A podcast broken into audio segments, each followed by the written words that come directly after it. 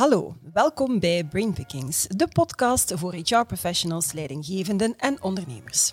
Mijn naam is Leslie, founder van Zigzag HR en elke week kruip ik in het hoofd van een centrale gast om daar ideeën, inspiratie, best en next practices te stelen waar jij mee aan de slag kan in jouw organisatie of in jouw HR-team.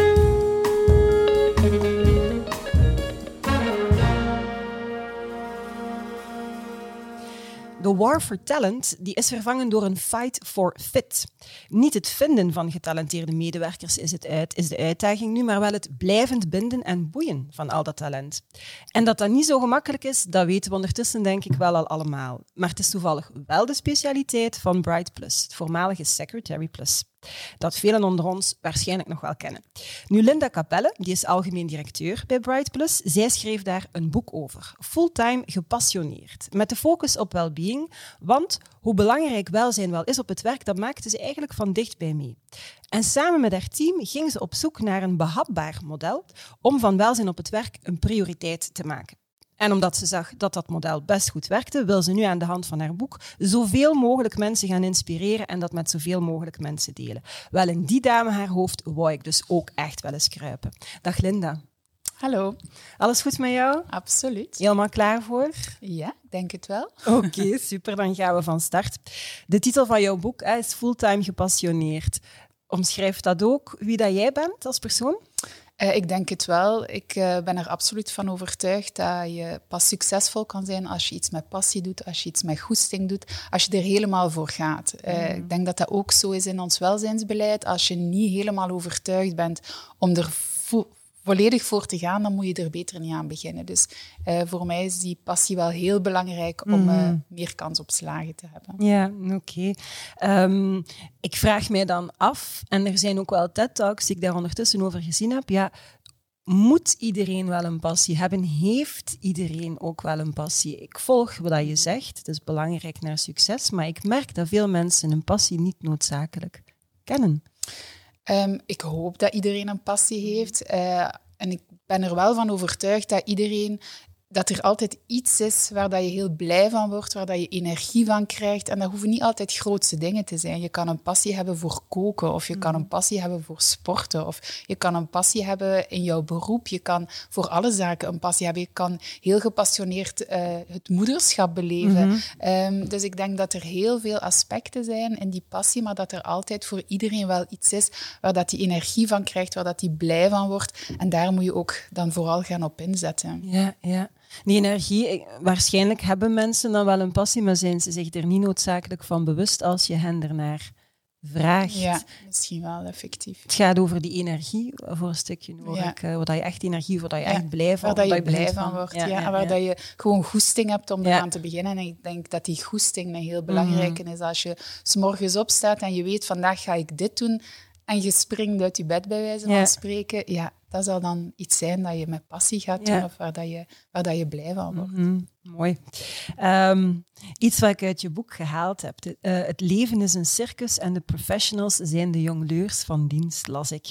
Um, ja, ik vraag me dan af, is het wel realistisch hè, om al die balletjes in de lucht te houden? Er mag misschien ook al eens een balletje vallen. Dat was uh, uh, uit een gesprek met uh, Kathleen de Stobbelaar en Marion de Bruyne. Die zeiden van ja, we willen zodanig graag al die balletjes in de lucht.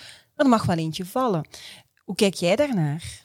Ja, ik kan me daar zeker aan vast in vinden. Ik ben zelf ook iemand die heel ambitieus is en gedreven is, maar in alles wat ik doe. Um, en we willen een heel toffe mama zijn, we willen mm. een heel toffe partner zijn, we willen de beste dochter zijn, we willen een toffe vriendin zijn en uiteraard willen we ook een heel goede medewerker zijn en of een goede manager zijn. En we willen zoveel en we willen dat op een, op een heel goede manier doen. Daar zit soms een beetje een vorm van perfectionisme mm -hmm. ook in. Um, maar natuurlijk maak je dan fouten en uh, de, de het motto op, op kantoor is ook fouten maken mag. Het is prima om fouten te maken. En ik heb, heel, ik heb veel liever dat iemand iets probeert en misschien niet slaagt, dan dat hij dat helemaal niet zou doen. Mm -hmm. uh, want het is ook maar door fouten te maken dat je gaat leren. Ik ja. vind het prima als je fouten maakt, als je dan daar iets uit leert en daar in de toekomst ook mee aan de slag gaat. Dat is ook wat ik aan mijn kinderen vertel. Van alsjeblieft, probeer het op zijn minst en ja. dan zien we wel. Dus uh, maak ik fouten? Uiteraard maak ik fouten. Maar zolang dat je die fouten kan erkennen mm -hmm. en dat je er effectief iets mee doet of iets uit leert, dan is het helemaal prima. Ja, ja. belangrijke aanvulling wel dat je er iets mee doet. Want Ja. ook mensen die fouten maken en ze dan gaan ontkennen in alle mogelijke Ja, talen nee. of de fout op iemand anders proberen Ja. doorschuiven. Ja. maar er mag een balletje vallen, hoor ik. Ja, absoluut. Ik denk dat dat ook niet realistisch zou zijn Nee. als er geen balletjes zouden vallen. En ik denk dat dat heel vaak iets is dat we denken bij anderen dat er geen balletjes vallen. Mhm. We zien alleen onze eigen balletjes vallen. Ehm, en dat heeft ook heel veel, denk ik, de dag van vandaag met social Ja. media te maken. Want Ja. daar zien we alleen maar mensen die alle balletjes in de lucht hebben. Maar we gaan niet op, op, op Instagram zetten wanneer dan onze balletjes vallen, bij wijze Nee. van spreken. Dus ik denk dat we daar eh, soms een, een, een verkeerde manier hebben om naar de zaken te kijken bij anderen en dan ons dan vaak daarmee gaan vergelijken. Maar uiteraard, bij iedereen vallen er balletjes en dat is prima. Ja, dat we onze, onze binnenkant met anderen een buitenkant Ja, effectief. Ja, daar komt het op neer. komt Ja. op neer. Ehm, waarom ligt dat thema welzijn jou zo, zo specifiek eh, aan het hart? Is dat iets wat je van dichtbij meegemaakt hebt ergens of, of een algemene interesse?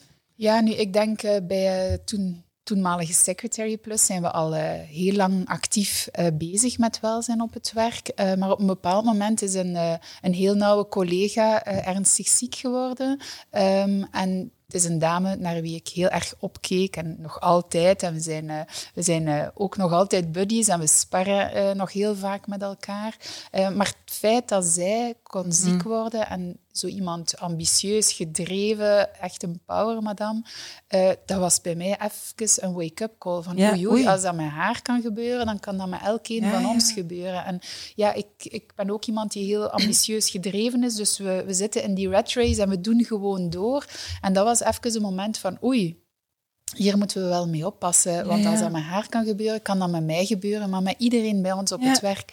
En we zitten nu eenmaal in een eh, business waar dat we met heel veel dames Ja. werken, heel veel jonge mama's. En dan zie ik dat heel veel van onze mensen ook struggelen met wat dan we daarnet zeiden. Ik wil een toffe mama zijn, maar ik wil ook mm, alles doen wat ik moet doen op, het, op kantoor en zo verder. Je moet die, die balans ergens proberen in evenwicht te houden. En dan had ik zoiets van, nu moeten we daar eventjes bij stilstaan en, te, en gaan kijken, wat kunnen wij als organisatie doen om mensen daar een stukje in te begeleiden, om ze daarin te helpen, om, om een aantal handvaten te geven, maar ook vooral om een voorbeeldrol te gaan spelen. Eh, en toen zijn we aan de slag gegaan met een aantal heel kleine zaken, eh, maar die wel direct een, een grote impact hadden. Ja. Ehm, en dat, dat was het moment bij mij waarop dat ik Ja. zei van, hier moeten we wel iets mee gaan doen. Ja, omdat je het van inderdaad heel dichtbij gezien had van iemand Ja. je dacht, amai, als zij dat voor heeft, watch out.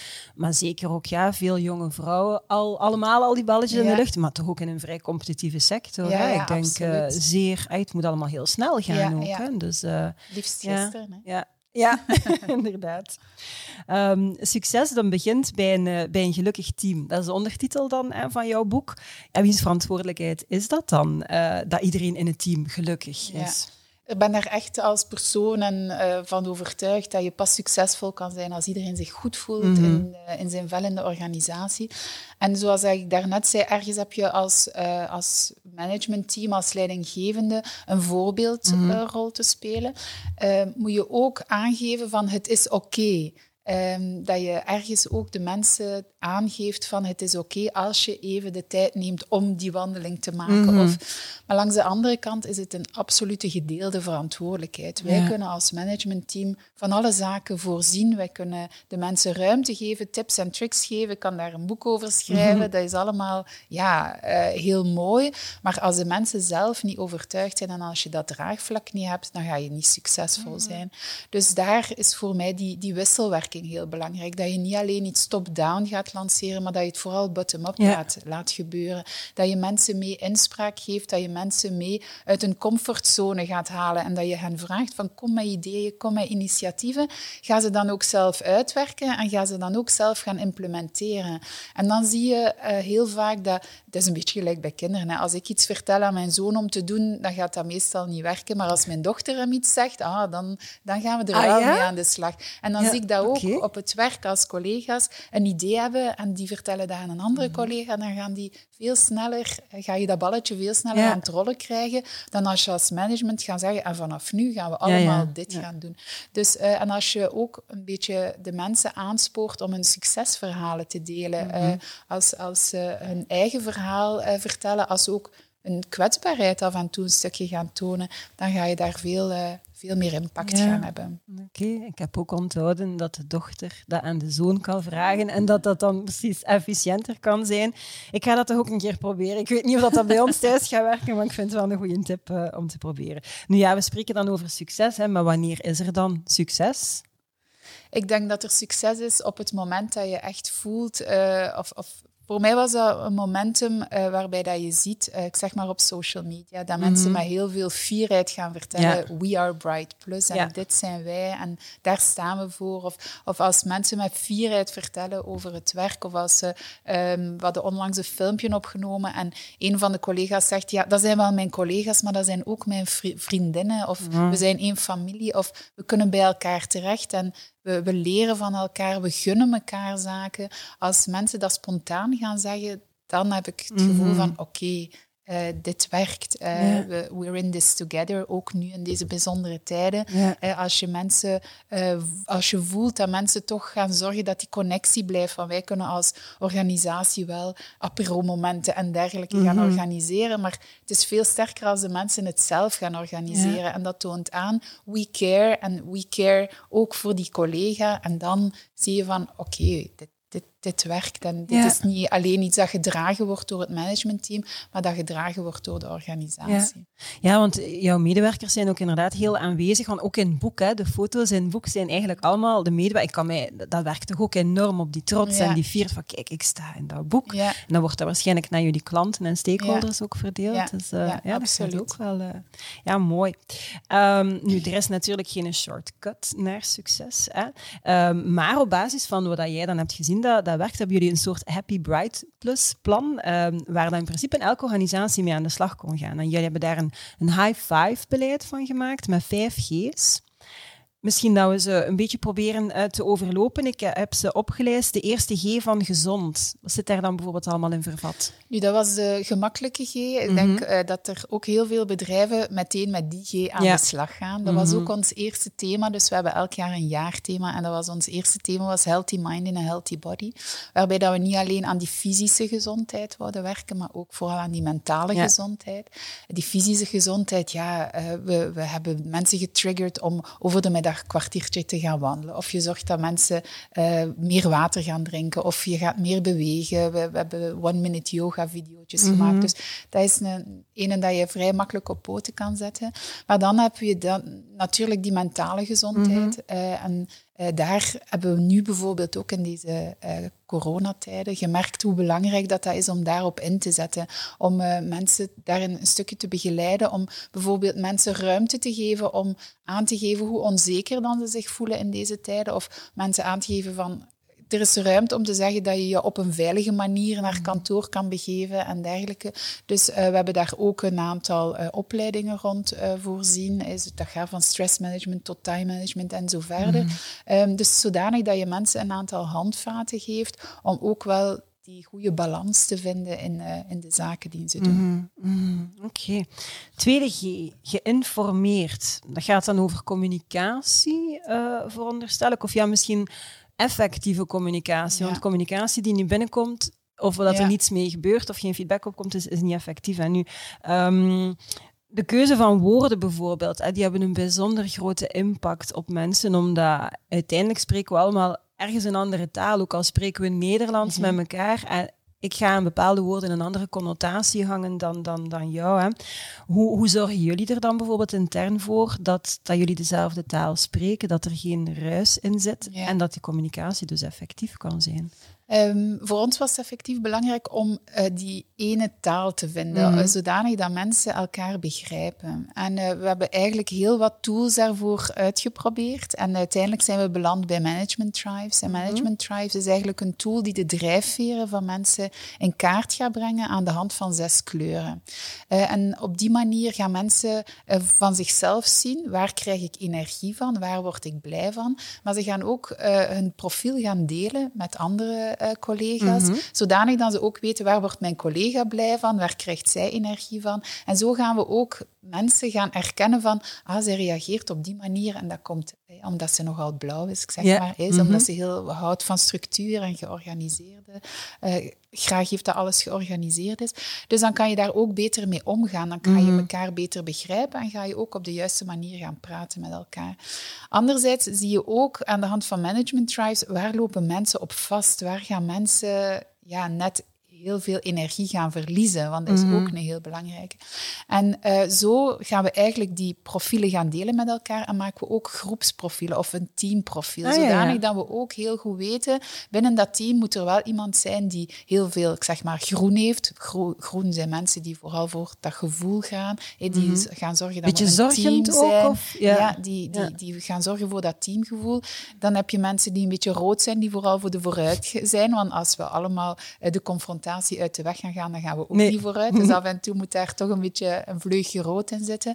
Oranje mensen die eerder voor dat resultaat gaan. Blauw, Mhm. die zorgen dat alles mooi gestructureerd lo- loopt. Eh, geel, die dan meer analytisch gaan denken. En zo ga je eigenlijk een heel mooi team gaan samenstellen. Ja. En gaan mensen dat ook gaan appreciëren dat iemand anders is dan zijzelf. Ja. Want ja, we hebben dat wel nodig in het team om te zorgen dat Mhm. het vooruit gaat. En we hebben dat nodig in het team om het af en toe een keer gezellig te maken eh, of een keer eh, ja, te, te praten over andere zaken dan, dan puur onze cijfers of eh, waar dat we mee bezig zijn. Ja.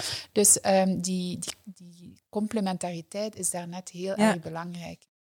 Ja, dus dan, dan, dan zit je inderdaad, eh, dan kun je bijna, moest je die, die kleuren niet hanteren dan als gemeenschappelijke taal en dat team werkt niet. Hè. Je kunt dat soms zeggen, dat marcheert Ja. niet in het ene team, dan wel. Ja, als je dan inderdaad die oefening gaat doen en merken dat bepaalde kleuren er niet zijn of Ja. ondervertegenwoordigd of oververtegenwoordigd Ja. zijn, dan gaat het helpen. Ik heb daar wel altijd een bezorgdheid bij in de zin van het mag niet betekenen dat mensen dan in hokjes gestoken worden. Je hebt zo van die profielen en, en rood is resultaatgericht of ja, maar jij zijt dus Ja, dat mag Nee, niet de dat bedoeling dat mag zijn. hè? niet de bedoeling Ja, zijn, want ja. er is niemand met één kleur. Nee. Je hebt wel een hoofdkleur, Ja. maar je hebt ook nog altijd andere kleuren. En daar gaan we mensen ook wel in gaan stimuleren, Mhm. want het is niet omdat je dan ja, dat jouw hoofdkleur is, dat die andere niet belangrijk Ja, zijn. ja, Dus je moet wel altijd zorgen dat alles een beetje in balans is. Maar door net dat beeld te hebben, kan je ook mensen beter gaan coachen of gaan Mhm. begeleiden. Of kan je ook, want je kan daar misschien gaan op inzetten. Of. En dat helpt ook wel een, een leidinggevende om eh, mensen beter of anders te gaan coachen en te gaan begeleiden. Ja, absoluut. Dus het is eigenlijk niet van ehm, zo ben ik en dat is het dan maar. Nee, is- want dat zou wel heel ja, beperkend ja, zijn. maar Ja. Dat, je, dat je een stukje bewust wordt van, ah oké, dus daarom reageer ik zo. Dus ik heb daar misschien wel een ontwikkelpunt. Of, Ja. of, ja, ja oké. Ehm, wat ik regelmatig hoor, niet alleen nu met, met, met, met eh, de, de COVID-situatie, maar daarvoor van hoeveel communiceren. Je hebt mensen die zeggen, ja, ik wil eigenlijk continu op de hoogte zijn, dus doe maar, geef maar. En andere mensen die gewoon knettergek worden van alle apps Ja. en tools en notificaties.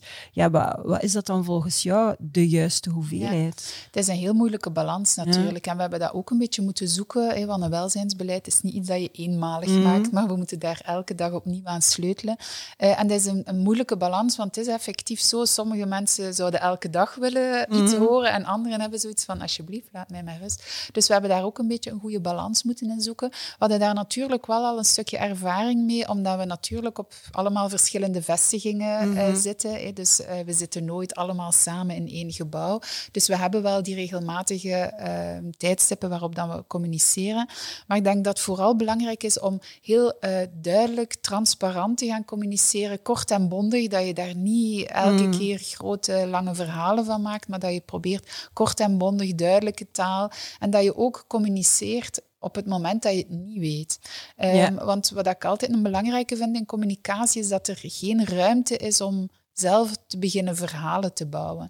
Uh, en dat je... Want er gaan altijd negatieve verhalen zijn. Hè? ja, ja, ja, Dus probeer altijd ook, uh, bijvoorbeeld bij COVID, ja, in het begin, de eerste lockdown, we hadden ook niet alle antwoorden, maar mhm. dan kan je dat ook wel meegeven van, mm oké, dit weten we niet, we gaan het uitzoeken en we komen er dan op terug. Zodanig dat mensen niet, oh, ze, ze denken daar niet aan of dat zijn ze mhm. vergeten. Of, um, dus probeer wel daar een goede balans in te vinden om het ook kort en bondig en vooral duidelijk en ook in de taal van de mensen te spreken. Dat je daar niet te hoogdraverig of te moeilijk maakt, zodanig dat ja, niemand jou eigenlijk nog begrijpt. dus probeer ook altijd, ik zeg dan altijd, je moet spreken zoals dat je aan het koffiemachine zou spreken. Zodanig dat je, ja. mensen spreken mensen, dat je het wel Mm zo transparant en helder mogelijk overbrengt. Dat is inderdaad een goede tip, gelijk als dat je het zo zou zeggen. Want we hebben de neiging, zelfs als je soms teksten op de website ook ziet, vind ik dat van, wat is er gebeurd? Als ik dat nu zou vragen, die persoon die gaat nooit zo met mij spreken. Dus vind ik wel uh, een, een goede tip. Ja, dan gelukkig, de G van gelukkig komen dan. Hè. Um, ja, dan hoor ik heel vaak, het, het moet klikken. Hè. Als mensen ergens willen werken, het moet klikken. Met wie moet dat dan klikken? Met, met, met, met collega's, met, met het bedrijf en het DNA van het bedrijf of met de jobinhoud? Ja. Nu, ik denk dat we daar de afgelopen jaren enorm in geëvolueerd zijn. Ook mhm. als wij kijken, uh, puur in onze sector, als er een cv binnenkomt, dan kijken we vooral welke taken heeft die persoon, welk mhm. diploma en zo verder. Nu gaan we eigenlijk heel vaak gaan kijken, Gaat die persoon fitten in die organisatie? Mhm. Gaat die persoon klikken met de DNA van die organisatie? En heel vaak de taken, ja, die kan je dan wel gaan aanleren. En mhm. zo gaan wij zelf ook heel vaak gaan recruteren. Dat we kijken, is dat iemand die past binnen ons team? Is dat iemand die past binnen onze organisatie? De, de person-organization mhm. fit. Um, is die er? En op basis daarvan kan je dan gaan recruteren. Uiteraard moeten er een aantal basisgegevens aanwezig zijn. Hè. Ehm, maar uh, we gaan heel vaak gaan inzetten op die person-organization fit, omdat je daar veel meer kans hebt op een lange termijn verhaal, op een lange termijn samenwerking, dan dat je iemand hebt die ja, de, de perfect match is met de job, mhm. maar ja, die eigenlijk niet past in de cultuur of in het DNA van de organisatie. En dan is het natuurlijk wel belangrijk dat je als organisatie weet, wat zijn onze waarden, waar staan wij voor, wat vinden wij belangrijk, en dat je wel die die, die test gaat doen binnen je organisatie, uh, om te weten, ja, als we nu een, een lijn zouden trekken naar mhm. wat is nu een typische medewerker van, in ons geval Bright Plus, ja, waar moet hij dan precies aan voldoen? En eenmaal dat je dat hebt, helpt je dat ook wel in jouw recruteringen natuurlijk. Ja. Zo, die fit, dat, dat doet mij regelmatig denken. En uh, als ik jou dat hoor vertellen. En uh, trek de lijn met een, een, transplantatie van een orgaan. En je hebt eigenlijk een zeer goed functionerend orgaan, een kandidaat. Een, een goed functionerend lichaam, maar met een, een orgaan dat, dat daar tekort is of vervangen moet worden.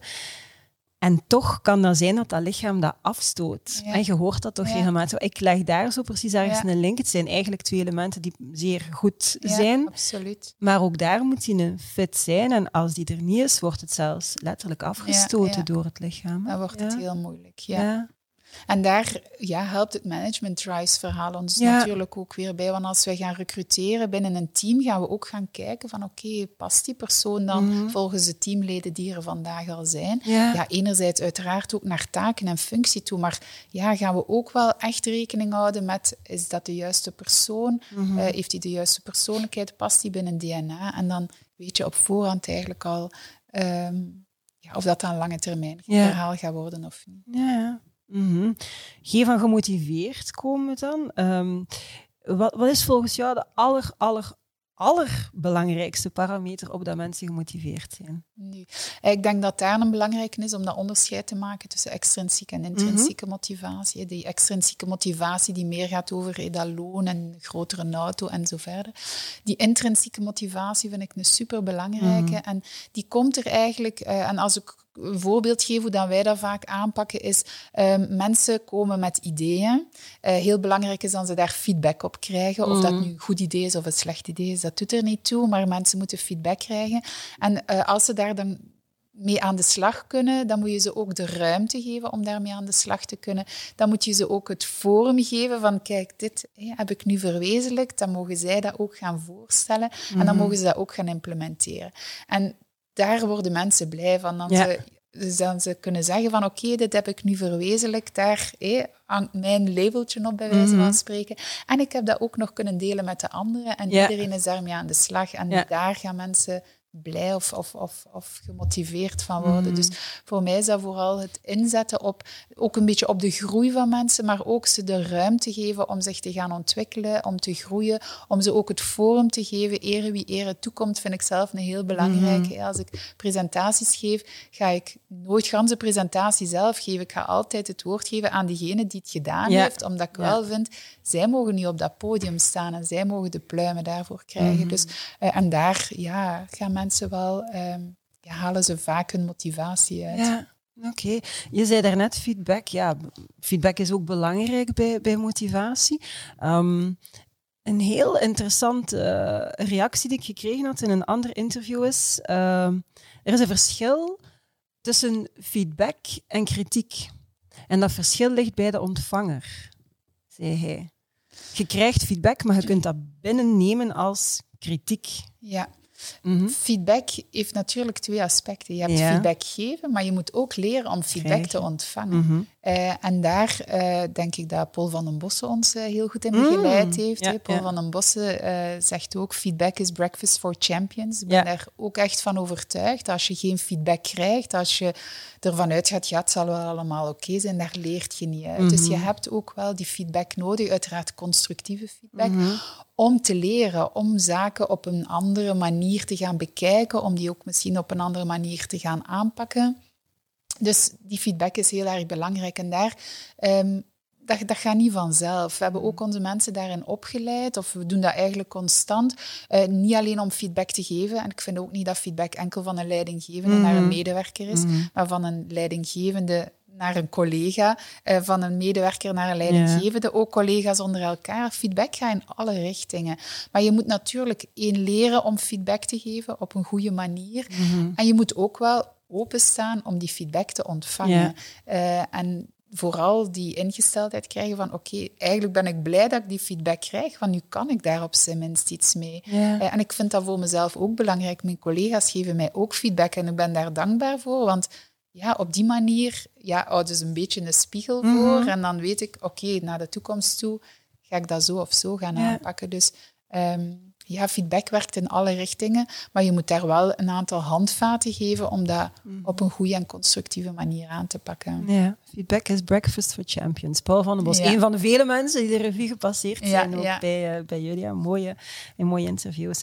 Ehm, ik denk dat we aan de laatste G dan zitten van getalenteerd. Uh, hoe zetten jullie zelf dan in op groei en ontwikkeling bij, um, bij de medewerkers? Nu, um, die, die, die, die groei is uh, super belangrijk. Die, die, het ontwikkelen van van die talenten. We gaan ook vooral mensen gaan inzetten op hun sterktes, omdat ik ook op die manier ervan overtuigd ben dat mensen kunnen bloeien. En mhm. dan krijg je ook dat zelfvertrouwen en dan ga je vanzelf gaan stralen.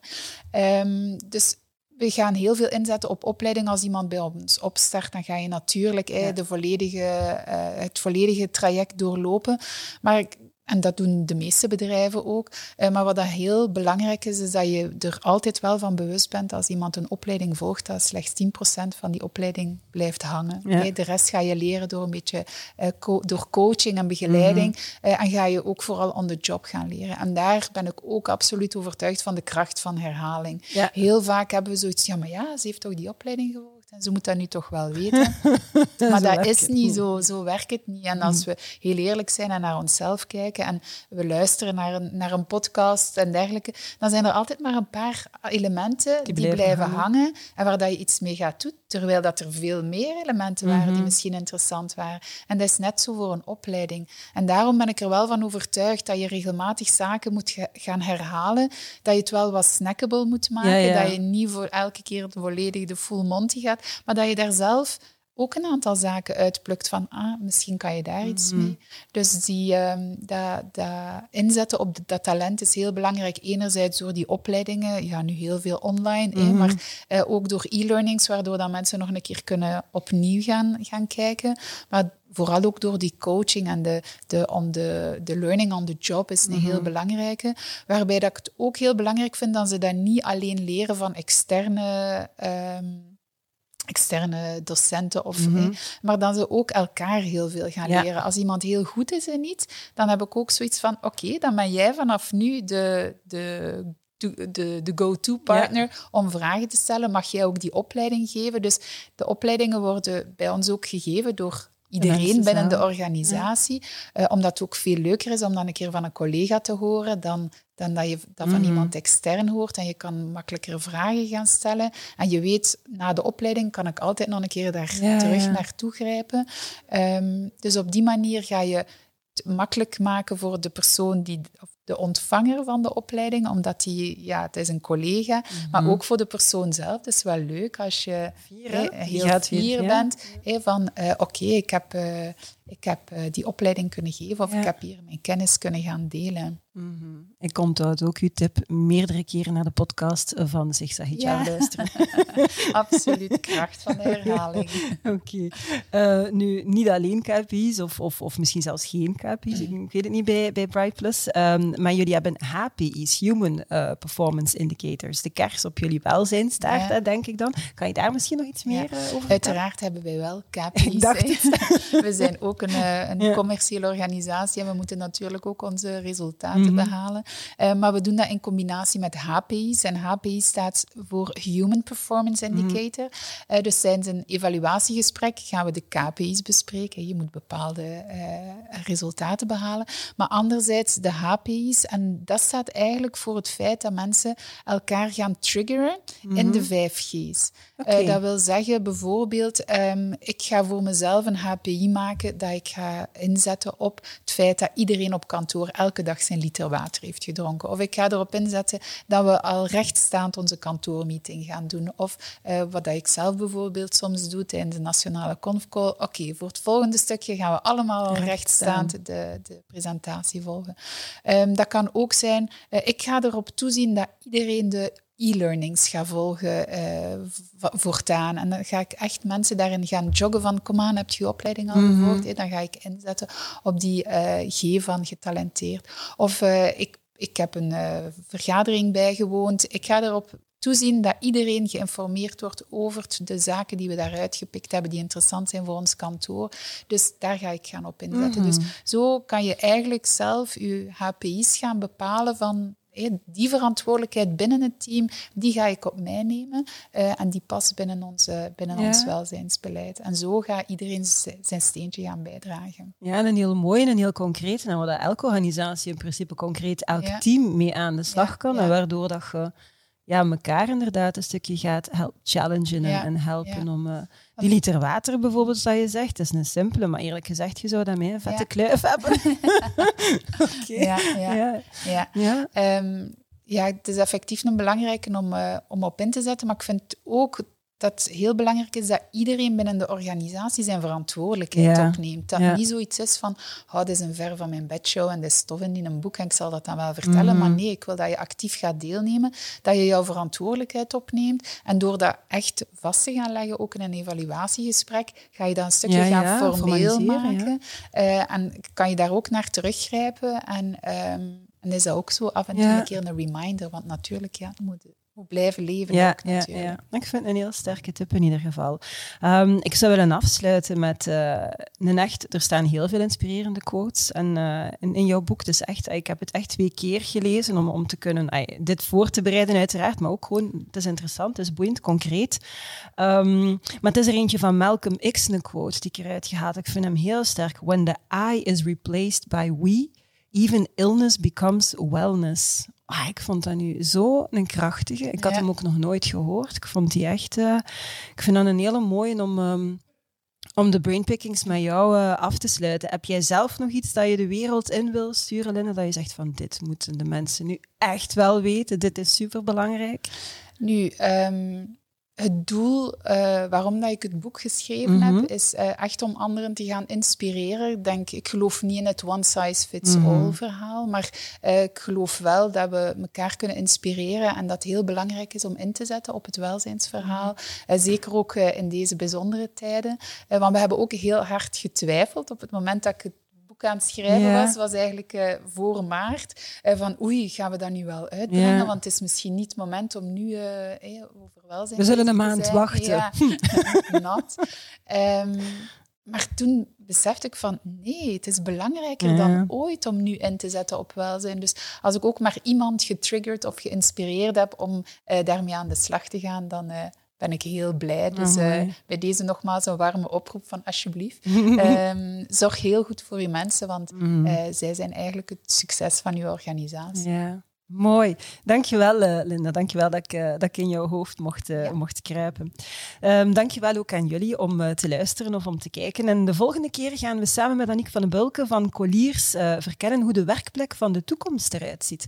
En dat wil jij natuurlijk voor geen geld ter wereld missen. Stem dus zeker af op dit YouTube-kanaal of abonneer je op onze podcast. Heb je honger naar nog meer? Surf naar onze website www.zigzaghr.be of beter nog, sluit gewoon aan bij de community en abonneer je op ons ons tijdschrift. Don't forget, it's a great time to be in HR. Tot de volgende!